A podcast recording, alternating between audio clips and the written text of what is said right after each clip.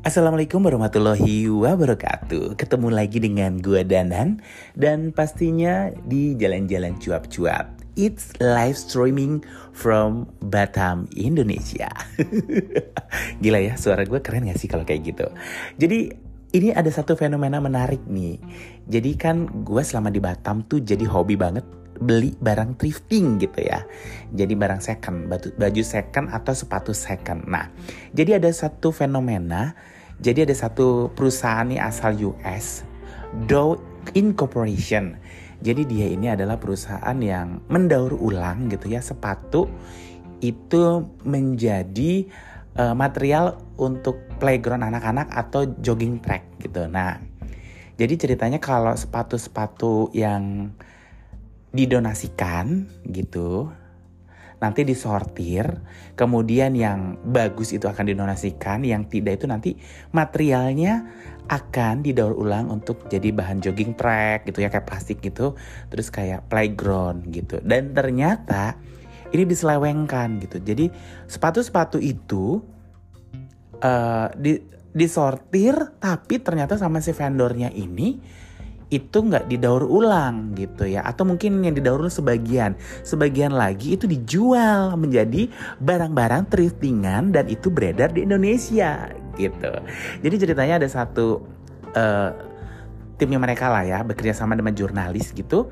Jadi mereka memasang chip bluetooth di sebelah sepatu. Nah faktanya dari 10 sepatu yang di, yang dipasang gitu dari 11 sepatu, 10 itu ternyata beredar di Indonesia jadi barang thriftingan gitu. Dan gilanya lagi tuh kedetek uh, salah satunya ada di ada di apa namanya? Ada di Jakarta gitu di Pasar Loak dan itu dijual seharga 300 ribu itu sepatu gitu. Dan ternyata barang-barang itu juga beredar di Batam. Kayaknya kalau di Batam, kayaknya di daerah jodoh deh gitu. Dan itu si jurnalisnya yang nge-track gitu ya. Orang itu dia pasang tuh, direkam gitu. Kemudian dia cari sepatunya pas beli ya dia ada di situ beli, kemudian namanya dibongkar gitu. Dan ini kan satu fenomena menarik ya gitu. Dan gue sebagai sebagai pencinta thrifting agak ngerasa guilty gitu bahwa karena gue juga berpikir ini kok barangnya masih bagus banget gitu. Kenapa dibuang? Ternyata niat orang itu didonasikan gitu. Jadi bukan barang ini rusak gitu.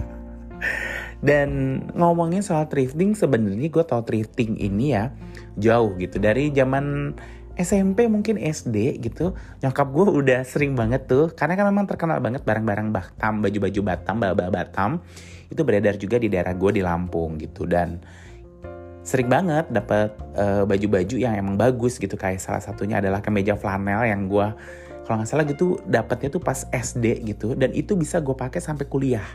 Mereknya Levi's. Itu keren banget kan gitu. Dan itu nyokap dapetnya dari thrifting. Nah setelah gue pindah ke Batam sebenarnya gue tidak terinspirasi sih untuk mencari barang-barang thrifting gitu. Karena ya dengan gaji gue cukup lah ya. Gue juga bukan tipikal orang yang hobi pakai barang branded.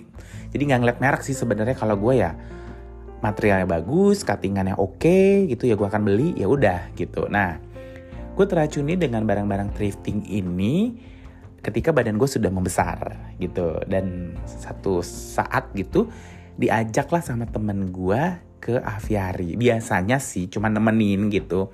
Tapi ini sebenarnya niat cari barang kan temen gue.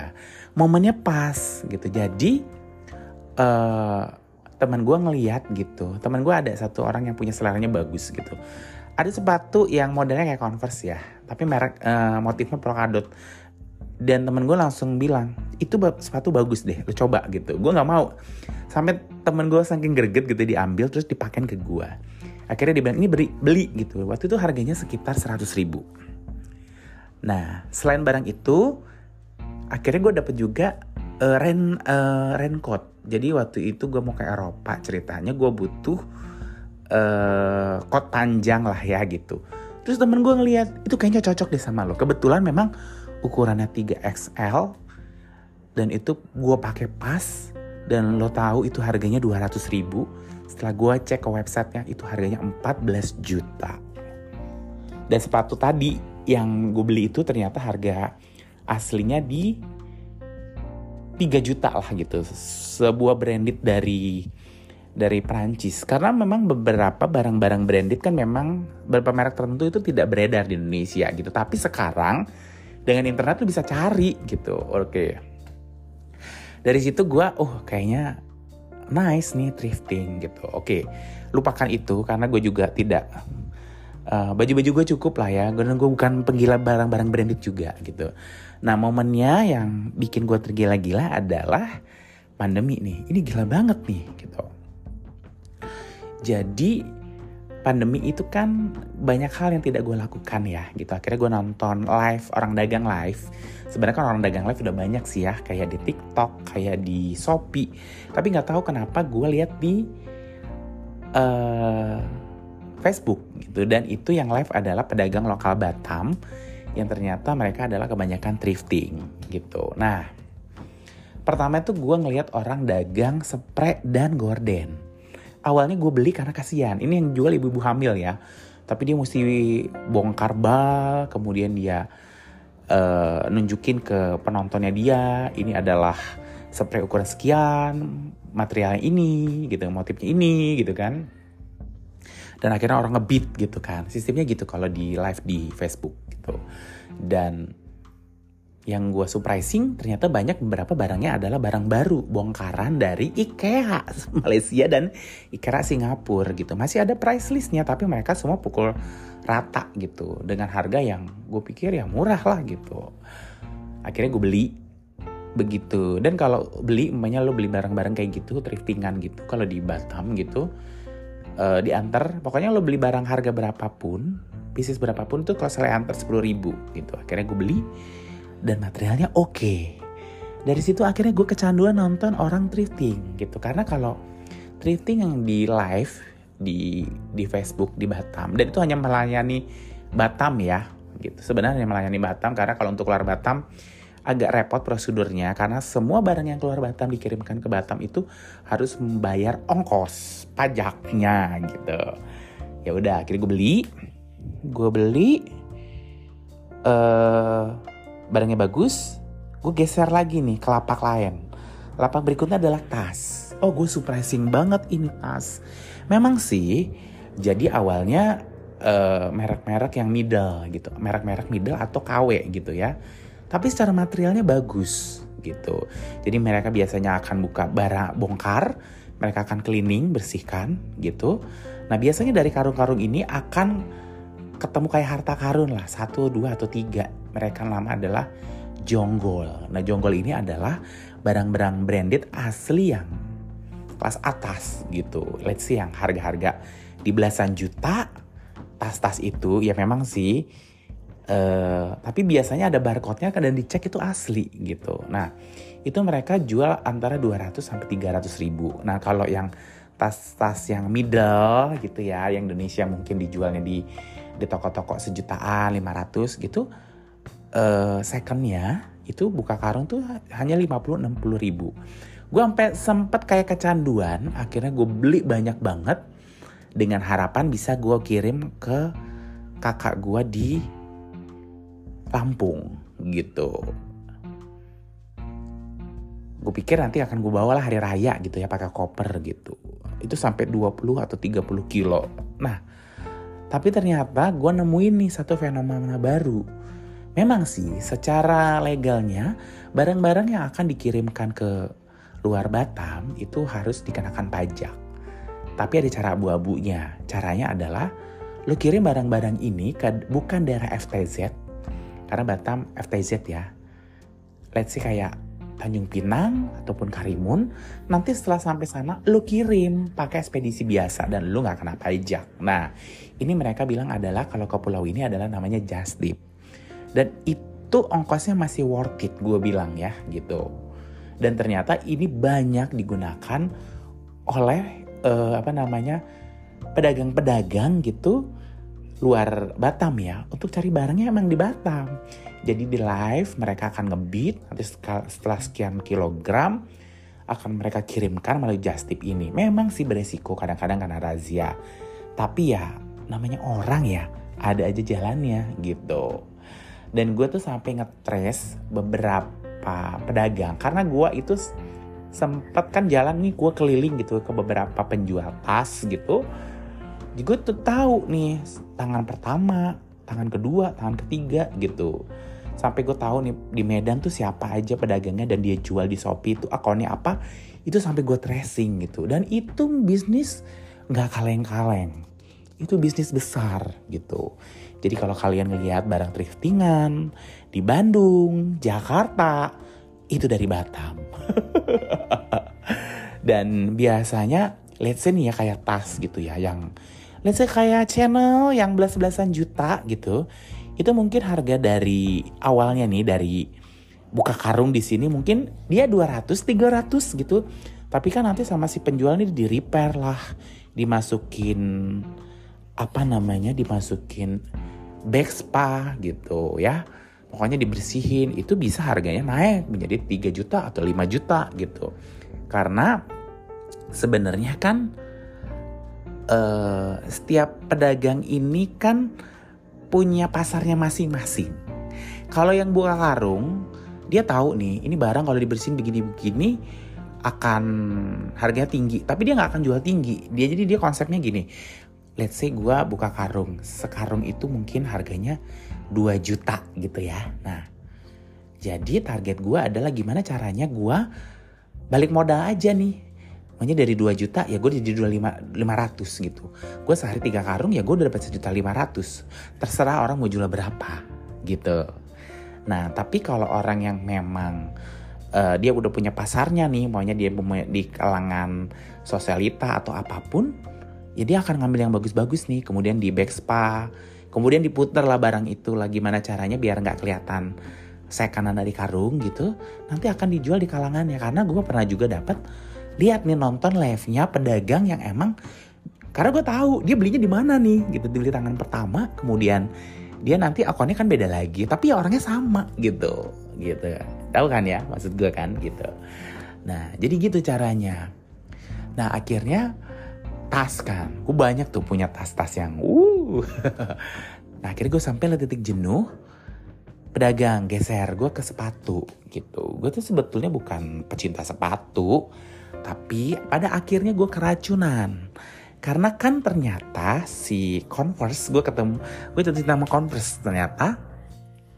Converse ini punya model yang seru-seru, yang lucu-lucu gitu.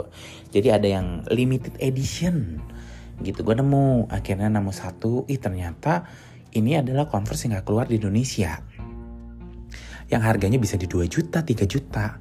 Dan di live itu gue dapet karena gue tangan pertama gue dapat di 70 juta. Gitu. Eh 70 juta. 70 ribu cuman. 70 ribu. Wah surprising dong gue gitu. Akhirnya gue juga hunting di beberapa biasa tapi gue biasanya hunting di pasar-pasar yang second yang tidak terlalu terkenal ya. Kalau kayak udah di Batu Aji di Taras gitu ya. Itu kan mereka biasanya udah naik ke distro lah kayak distro kayak toko gitu bisa harga sudah tinggi bu. Hmm, bisa 300 gitu. Nah akhirnya gue sempat juga hunting di Bengkong. Dapat itu gue dapet sepatu converse like new sih. Itu kayaknya display toko juga di 200 ribu gitu. Itu pokoknya kalau ada live sepatu orang jualan converse gue akan beli gitu. Dan gue memang gak niat jual sebenarnya tapi kan pada akhirnya teman-teman banyak yang nanya ya kan gitu. Biasanya gini nanti kalau gue udah pakai beberapa kali ada yang mau gue jual gitu. Agak aneh gitu juga karena gue banyak dapat yang yang yang modelnya lucu-lucu gitu ya kayak yang ada glitter lah gitu dan itu ternyata belum pernah dipakai gitu. Nah itulah gue keracunan pada akhirnya. Nah ini oh gue juga pernah keracunan baju. Baju juga pernah tapi baju ini tuh uh, karena badan gue juga nggak terlalu standar jadi agak susah sih. Biasanya gue juga pedagang-pedagang tentu aja yang biasanya uh, dia punya yang size gede nah itu akan gue ambil gitu. Tapi salah satu kenikmatannya adalah memang gimana caranya kita ngebit ngebit ya gitu. Ketika bisa kan nanti ritualnya gini dia akan jembreng ini barang nih. Kondisinya seperti ini gitu ya. Real lah gitu. Terus nanti kalau yang mau uh, ketik aja mau terus kodenya nanti dia akan apa. Nah itu kita cepet-cepetan gitu. Dan itu seninya biar kita beatnya di atas tuh macam-macam deh. Gue tuh biasanya ngandelin ponselnya adalah iPhone gitu ya. Terus jaringannya Telkomsel tipsnya ya. Terus uh, biar uh, biasanya resolusi gue kecilin biar cepet aja gitu. Nah itu biasanya triknya gitu. Ada juga terakhir yang pakai script gue nggak tahu pakai script itu gimana. Itu pokoknya karena memang kalau yang barang-barang bagus itu adalah pemain-pemain besar gitu. Biasanya reseller. Dan mereka emang kalau barang bagus rebutan gitu. Gue pernah waktu itu apa ya sepatu apa sih lupa gue sepatu cewek. Itu satu karung baru semua. Itu sepatu yang harga di 5 jutaan gitu dan dia jual cuma cuma enam ribu gitu. Wah itu gila. Perebutan yang gila luar biasa gitu. Dan kalau yang jual kan dia ya udah yang penting gue dapat satu karung sekian udah. Dia nggak mikirin yang orang nanti akan dijual lebih mahal itu enggak gitu. Jadi kayak etikanya udah kayak gitulah gitu. Gitu. Nah sekarang yang jual-jual live ini juga udah nggak terlalu banyak lagi karena kan udah nggak pandemi ya. Gitu. Terutama sepatu kayak sepatu tas itu pada ada gue ngerasa ada satu titik jenuh ya. Kayak orang udah beli beli gitu kayak gue kan udah beli banyak gitu bosen gitu. Tas sepatu juga gitu. Ya mau lagi kecuali lu jual ya gitu.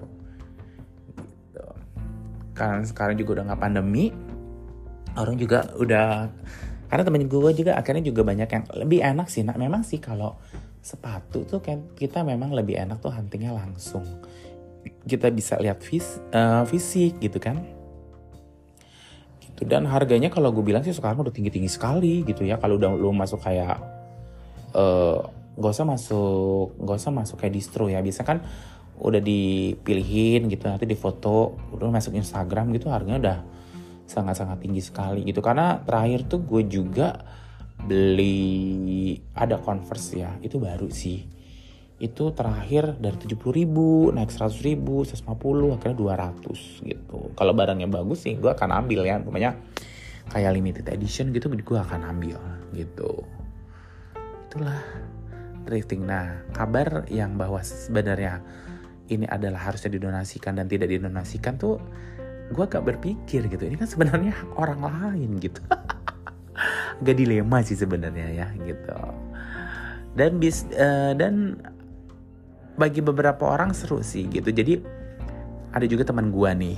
Dia tuh hobi thriftingnya yang jadi kalau thrifting itu macam-macam kelasnya gitu. Ada yang bener-bener buka karung kayak di lokasi gitu yang semua barang tuh campur aduk jadi satu. Nah itu untuk beberapa orang adalah seni. Kayak menemukan uh, jarum di jerami kata temen gue gitu ya.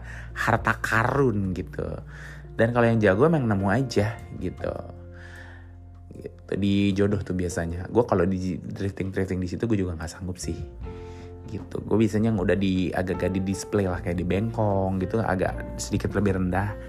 Itu ada satu toko yang semua isinya sepatu dan kayaknya mayoritas converse. Nah itu gue biasanya akan cari ke situ. Kalau ke taras kayaknya agak uh, taras juga termasuk zona-zona ya. Ada yang udah kayak distro ada yang juga dibongkar gitu dan orang nyari rame-rame gitu. Dan ini juga dan ternyata ini bukan bisnis uh, kecil. Ini bisnis besar gue tau lah gitu. Dan kayaknya juga tas juga oh iya gue juga sempet beli koper. Ada koper harga 7 juta or 8 juta. Secondnya itu gue beli 500 ribu. Dengan karena kalau koper mahal secara material tuh beda emang. Beda banget gitu makanya gue ya udah beli akhirnya gue. Gitu. Gimana dengan kamu? Menurut kamu thrifting gimana? Karena memang sekarang itu juga ada gue nggak tahu ya. Karena ada pembatasan gitu. Kita nggak boleh lagi masukin barang-barang thrifting. Karena ternyata barang thrifting itu nggak cuma dari Singapura aja ya dari beberapa negara-negara lain gitu ada kesan sih memang pada akhirnya ketika banyak barang thrifting masuk tuh kan jadi, jadi kayak tempat sampah ya negara kita. Orang tuh ngomongnya di Indonesia gitu. Nah, walaupun ini dilarang, tapi gue pikir ya barang-barang ini memang ada bagusnya juga digunakan lagi. Jadi di, re, di reuse ya gitu. Jadi barang mungkin yang bagi orang sudah tidak terpakai tapi bagi orang lain terpakai dan misi bisa digunakan gitu. Nah, gimana nih? Kamu mau komentar atau tidak gitu? Karena memang karena belakangan ada uh, ada ada beberapa uh, pelarangan gitu. Karena terakhir gue juga nemuin beberapa seller tuh yang jualnya baju-baju Korea semua gitu yang gila sweaternya keren-keren banget temen saya nggak ada ukuran gua gitu gitu nah gimana nih menurut kamu thrifting apakah harusnya dilegalkan ataukah uh, apa ya tidak dilegalkan karena kemarin juga sempat ditemukan satu kapal gitu isinya berapa ton gitu bal-balan thriftingan gitu yang masuk nggak ada suratnya gitu ya udah ya dan untuk kamu nih yang hobi thrifting, mungkin bisa komentar ya gitu. Dan aku sih tetap lah ya. Kalau ada yang bagus dan lucu tetaplah oke okay lah thrifting gitu. Untuk hiburan juga gitu. Terima kasih ya udah dengerin curhatnya aku tentang thrifting. Kalau ada backsound backsound motor lewat ya dimaafkan aja karena gue lagi di kosan kalau di kantor sih biasa lebih tenang gitu ya. Thank you ya udah dengerin aku curhat soal thrifting. Dan kalau mau komentar ataupun mau baca-baca tulisan-tulisan aku langsung aja ke blog aku di www.dananwahyu.com dan akhir kata dan mengucapkan wassalamualaikum warahmatullahi wabarakatuh.